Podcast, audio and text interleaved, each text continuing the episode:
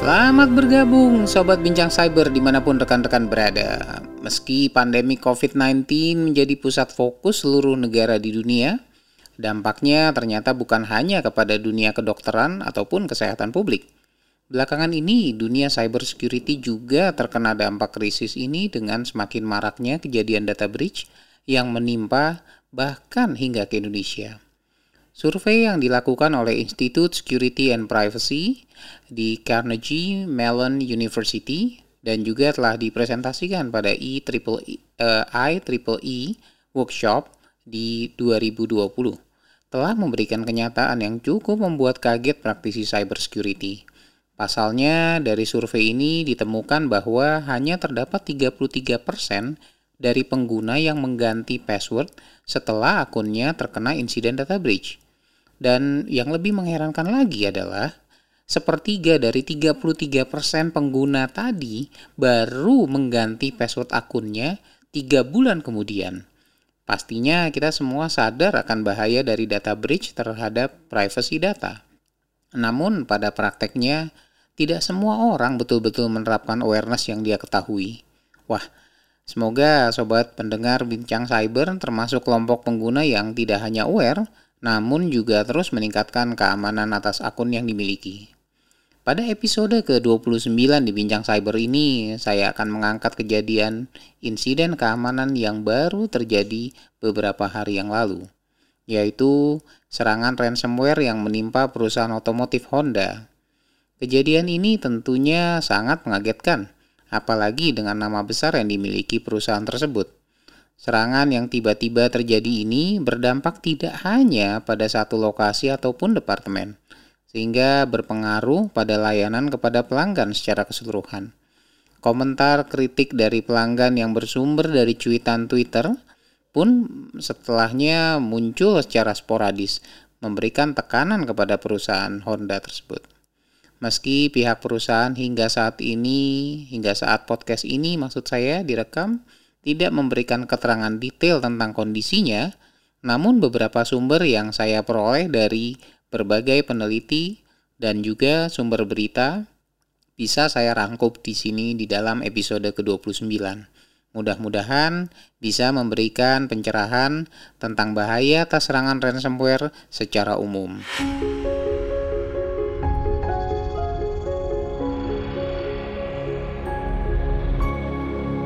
Kejadian yang serangan ransomware yang menimpa sebuah global operation perusahaan otomotif Honda di Amerika Serikat baru-baru ini cukup mengejutkan banyak pihak. Hal ini tidak hanya menyebabkan sistem online mereka tidak dapat diakses oleh pelanggan, namun Honda juga terpaksa men-shutdown beberapa lokasi produksi, termasuk financial service operation mereka. Serangan yang dilakukan oleh peretas adalah dengan memanfaatkan malware yang bekerja dengan mengenkripsikan file-file yang tersimpan. Malware ini secara spesifik disebut dengan snake ransomware. Ada banyak sekali varian jenis malware atau malicious software. Namun varian yang melakukan penyerangan dengan kemudian mengenkripsi file sehingga tidak bisa diakses oleh pemiliknya dalam hal ini disebut sebagai ransomware. Tidak ada perubahan letak fisik file yang dienkripsi tadi. Namun, enkripsi yang diterapkan kepada file-file tersebut membuat akses pemilik menjadi tidak dapat dilakukan. Dan dalam hal kasus Honda ini, tidak diberikan pesan oleh peretas mengenai berapa banyak ransom ataupun tebusan yang diminta agar peretas memberikan kembali akses atas file yang telah dienkripsi tersebut. Oleh Honda, peristiwa serangan ini disebut sebagai major ransomware attack disebabkan besaran dampak dan impact pada operasional sistem mereka. Beberapa waktu berselang setelah kejadian, pihak regional Honda secara bertahap berhasil mengaktifkan kembali beberapa pabrik otomotif tersebut namun tetap masih berkendala untuk mengaktifkan customer service website milik mereka. Hal ini terlihat dari beberapa komplain dari pelanggan melalui cuitan di Twitter. Pihak Honda menjelaskan bahwa serangan ransomware ini tidak berdampak sama sekali kepada data pelanggan mereka. Ini artinya informasi personal personally identifiable information atau disingkat PII yang tersimpan di database Honda aman dari serangan peretas. Namun hal ini hanya didasarkan kepada data yang dienkripsi oleh ransomware tersebut sehingga belum dapat dibuktikan atas log pencatatan dan data exfiltrate yang mungkin saja terjadi sebelum serangan encryption dilancarkan. Peneliti cybersecurity yang memiliki nama nickname Milk Cream eh, menemukan sampel dari ransom ransomware tadi yang menyerang dan kemudian dikirimkan kepada situs virus total. Di dalamnya ditemukan rutin untuk mencek internal network Honda dengan URL mds.honda.com. Hasil simulasi serangan ransomware ini dengan menginstal ransomware pada environment sandbox menemukan bahwa ransomware ini ketika dieksekusi langsung melakukan stop atau exit segera setelah dijalankan. Diduga ini disebabkan kegagalan untuk meresolve URL mds.honda.com tadi sehingga menyebabkan ransomware ini langsung berhenti. Di samping URL MDS tadi, ditemukan pula bahwa ransomware ini terdapat rutin coding yang berkorespondensi dengan IP address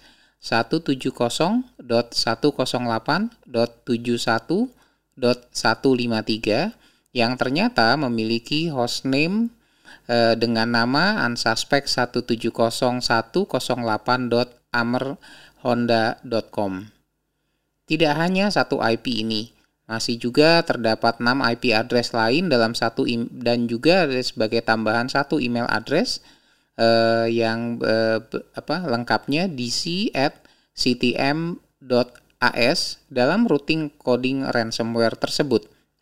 Besar kemungkinan ransomware ini sangat aware dengan lokasi di mana dia dijalankan Hal ini juga terlihat dari URL yang di hardcode ke dalam body malware tersebut. Atau bisa saja diasumsikan bahwa memang ransomware ini sedemikian rupa dibuat untuk hanya dapat berjalan pada environment milik perusahaan Honda. Hal ini pastinya akan membuat identifikasi atas proses serangan dan hal lain terkait dengan ransomware ini menjadi semakin sulit untuk diidentifikasi.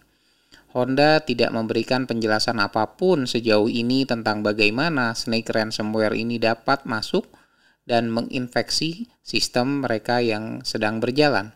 Namun beberapa penelitian dan feedback dari sumber di luar Honda menyebutkan besar kemungkinan infeksi terjadi dengan perantaraan email phishing yang mengatasnamakan COVID-19. Dari link yang tersedia dalam email phishing tersebut, Snake ransomware kemudian di-download hingga dapat menyebar di jaringan internal Honda. Krisis yang terjadi saat pandemik dan tentunya mempengaruhi psikologis end user, rupanya turut dimanfaatkan oleh peretas untuk masuk dan kemudian menciptakan kerusakan.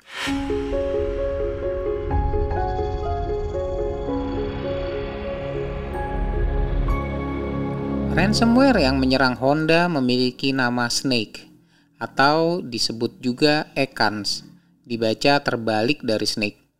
Ransomware ini melakukan encryption file-file yang diserangnya dengan mempergunakan symmetric encryption AES256 dan asymmetric encryption RSA2048 untuk key encryption.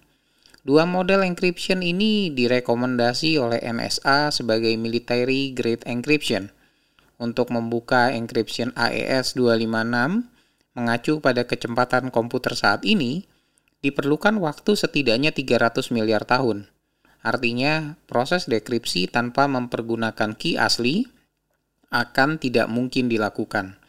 Sedangkan untuk key asli yang dipergunakan untuk encryption tersebut mungkin saja masih di memori, perangkat yang telah e, terinfeksi jika tentunya belum diribut.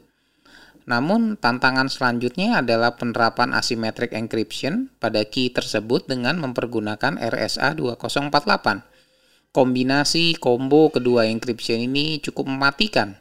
Kemungkinan juga bahkan e, membuat uh, upaya dekripsi atas file-file tersebut menjadi impossible. Ransomware menyerang dengan melakukan enkripsi file-file yang berada pada endpoint.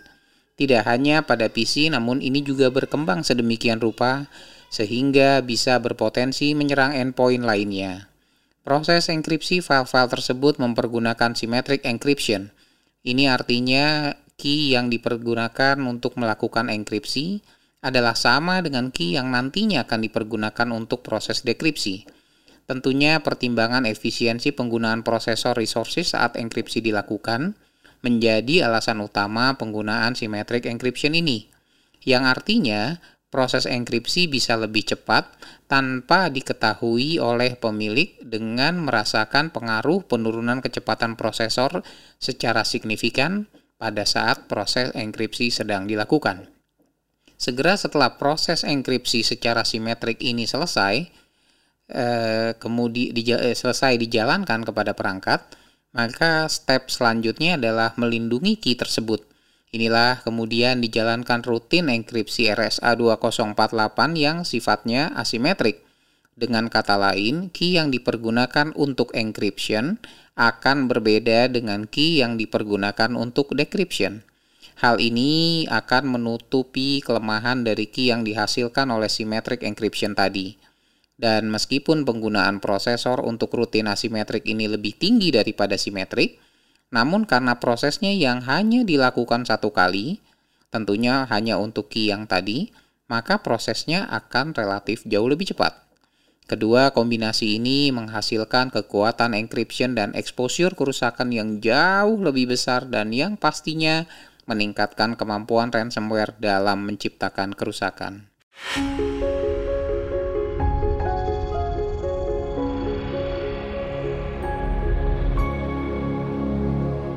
Serangan cybersecurity yang menimpa Honda adalah bukan merupakan serangan yang pertama kalinya terjadi.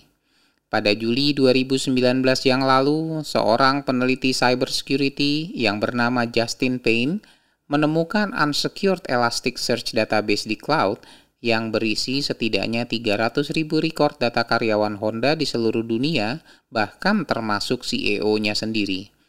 Tidak hanya personally identifiable information atau PII yang terdapat pada database tersebut, namun juga informasi mengenai perangkat komputer pada jaringan Honda. Informasi terkait perangkat komputer ini terdiri dari nama host, nama operating system, bahkan hingga status patch terakhir pada mesin tersebut.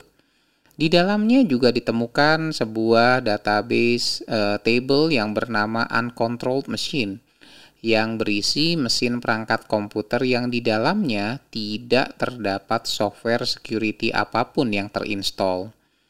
Setelah kejadian di Juli 2019 yang ini, pada tahun yang sama yaitu di 11 Desember 2019, ditemukan kejadian yang hampir serupa oleh peneliti cybersecurity Bob Diachenko. Kali ini database Elasticsearch yang bersumber dari informasi telematics pada perangkat Honda ditemukan dan dapat diakses oleh seluruh pengguna internet. Yang artinya tentunya kondisi table ini dalam keadaan unprotected. Data pada table ini berisi PII seperti nama, email address, postal address, dan juga ditambah dengan beberapa data terkait kendaraan, seperti halnya Vehicle Identification Number atau VIN, vehicle made, make, uh, dan vehicle model. Diperkirakan record yang bocor seberjumlah 26.000 record pelanggan. Kedua serangan ini disebabkan oleh misconfiguration pada tata kelola di cloud dan tentunya berbeda dengan serangan yang dialami oleh Honda pada tahun 2020 ini yang disebabkan oleh ransomware Snake.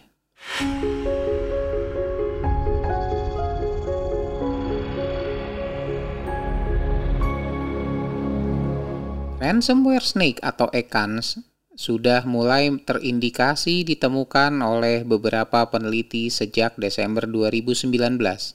Peneliti yang tergabung dalam Malware Hunter Team menemukan bahwa Snake ransomware ini memiliki kompleksitas dan juga kecanggihan yang lebih tinggi dari ransomware lainnya pada masa itu. Setelah menginfeksi target mesin, Ransomware Snake mampu mematikan fungsi remote administration yang biasa dipakai oleh administrator jaringan untuk melakukan maintenance pada perangkat komputer masing-masing. Termasuk jalan masuk juga bagi administrator perusahaan untuk melakukan recovery pasca serangan ransomware terjadi. Hal ini pastinya menimbulkan kegagalan akses administration dan menyebabkan penanganan ransomware ini menjadi lebih lama dan kompleks. Setelah menginfeksi mesin dan mengenkrip sebagian besar file yang ada di dalamnya, Snake Ransomware memberikan goodwill dengan cara mengirimkan tiga file yang telah didekrypt kepada pemilik perangkat sebagai bukti bahwa mereka akan mendekrypt semua file kembali ke posisi awal setelah pembayaran atas ransom dipenuhi oleh pemilik. Meski dalam kasus Honda tidak dijelaskan besaran ransom yang diminta, bahkan juga tidak dijelaskan mengenai deadline waktu pembayaran. Snake ransomware ditulis dalam bahasa Golang, sebuah bahasa pemrograman yang mulai dibuat pada tahun 2007 oleh tiga ahli di Google, yang kemudian resmi diperkenalkan sebagai open source program pada tahun 2009. Bahasa Go atau nama lain dari Golang dari uh, adalah uh, dari rutin uh, bahasa Go ini merupakan nama lain dari ap, aplikasi dari Golang dan dari rutin program yang ditemukan oleh pimpinan Sentinel Labs Vitalik Kremes terlihat bahwa Snake memiliki tingkat obfuscation atau tingkat pengacakan yang tinggi dan berbeda dengan varian ransomware lainnya. Pertama, Snake ransomware tidak langsung mengenkripsi file segera setelah menginfeksi perangkat. Malware ini menunggu hingga waktu tertentu. E, dalam kondisi ini, algoritma penentuan waktunya belum berhasil ditemukan. Dan pada waktunya nanti, ketika malware melakukan proses enkripsi, dia akan menentukan sendiri kapan waktu yang, ditep yang tepat untuk melakukannya. Kemudian di samping itu, tidak seluruh file dienkrip. File dalam direktori Windows System, program files, local setting, dan application data dibiarkan dalam bentuk aslinya. Setelah file lainnya dienkrip, Snake ransomware kemudian merubah file extension dengan menambahkan 5 karakter secara random. Dan setiap file yang dienkrip tersebut, di dalamnya, jika kita membaca binary code dari file tersebut, kita akan menemukan kata ecans pada bagian akhir dari file tersebut sebagai signature penanda uh, ransomware ini. Pada akhir proses, ransomware ini akan meninggalkan petunjuk pada text file yang kemudian diletakkan pada desktop perangkat yang terinfeksi. File tersebut diberikan nama fixyourfiles.txt yang berisi instruksi untuk menghubungi peretas melalui alamat email yang disediakan. Tidak hanya itu, dalam file teks ini, peretas menuliskan bahwa akan membantu proses mendekrypt tiga file yang dipilih oleh user sebagai pemilik data dengan syarat file tersebut tidak lebih dari ukuran 3 MB dan bukan merupakan file database ataupun spreadsheet. Peretas berjanji akan mereply email yang dikirimkan dengan mengattach tiga file yang telah didekrypt tersebut.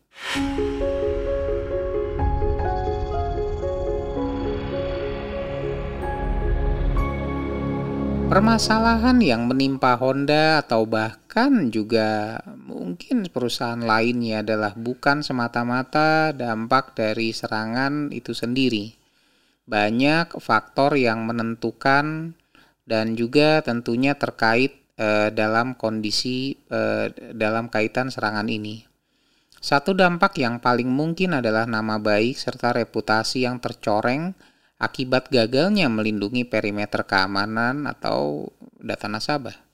Nah, dalam eh, khusus dalam situasi pandemik yang mana sebagian besar karyawan bekerja di rumah, Bagi para peneliti, hal ini menimbulkan perluasan area ancaman atau yang lebih tepat disebut dengan istilah threat landscape. Perangkat kerja yang berada di rumah karyawan sekarang ini perlu mendapatkan perhatian dari perusahaan, khususnya terkait dengan kecukupan perlindungan keamanan seperti hal yang paling sederhana yaitu antivirus dan sampai dan kapan proses patching terakhir dilakukan. Jika hal ini dulunya kurang mendapatkan perhatian, kini sudah tidak boleh lagi terlewatkan. Perusahaan di samping memberikan fasilitas konektivitas agar karyawannya bisa bekerja dari rumah atau lokasi remote lainnya, kini perlu lebih jeli memperhatikan anomali akses yang terjadi penerapan VPN yang menjadi tren saat work from home atau WFH pada prakteknya hanya mampu melindungi man in the middle attack. Artinya hanya melindungi saat data sedang dalam perjalanan dan tidak mampu mensortir mana transmisi yang legitimate dan mana yang malicious atau berbahaya. Intinya, kurang mampu melindungi serangan yang bersumber dari perangkat yang ada di rumah. Misalnya, jika salah satu perangkat yang dimiliki anggota keluarga terinfeksi malware, maka tentunya hal ini tidak akan mampu melindungi perangkat lainnya dalam area router yang sama. Pasalnya, malware tersebut bisa berpindah antar satu perangkat kepada perangkat lainnya sehingga pada akhirnya menginfeksi seluruh perangkat yang ada dalam perimeter. Jika kondisi ini terjadi, maka serangan yang dilancarkan dari perangkat terinfeksi tersebut ke dalam jaringan kantor pun bisa menjadi kondisi e, berikutnya. Tentunya hal ini akan menambah kompleksitas perlindungan keamanan yang diperlukan dan berpotensi menjadikan perusahaan sebagai korban serangan cyber security berikutnya.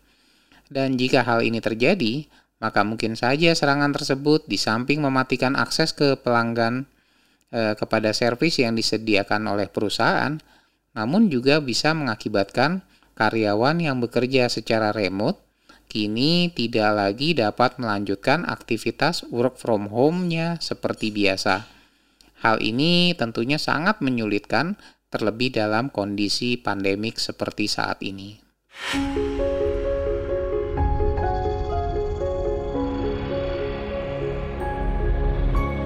Sobat Bincang Cyber, kondisi pandemik tidak akan mengurangi inovasi yang dilakukan oleh peretas, terlebih setelah secara statistik ditemukan peningkatan pengangguran setidaknya dalam semester awal 2020. Kehilangan pekerjaan bukan berarti kehilangan keahlian. Serangan hacking terhadap perimeter mungkin saja akan semakin sulit, eh, semakin banyak dan semakin sulit eh, apa untuk dilancarkan sehingga peretas memanfaatkan psikologis pengguna dengan mengkaitkan pada situasi pandemik ini. Tidak sedikit phishing yang memberikan email bohong dengan tujuan utama untuk menarik minat pembaca email tersebut agar kemudian mengklik link yang diberikan di dalam email, yang pada akhirnya akan berakhir pada infeksi malware pada perangkat kita. Ditambah kondisi work from home yang tentunya bisa menjadikan pertahanan cyber di lokasi kita bekerja menjadi lebih rentan.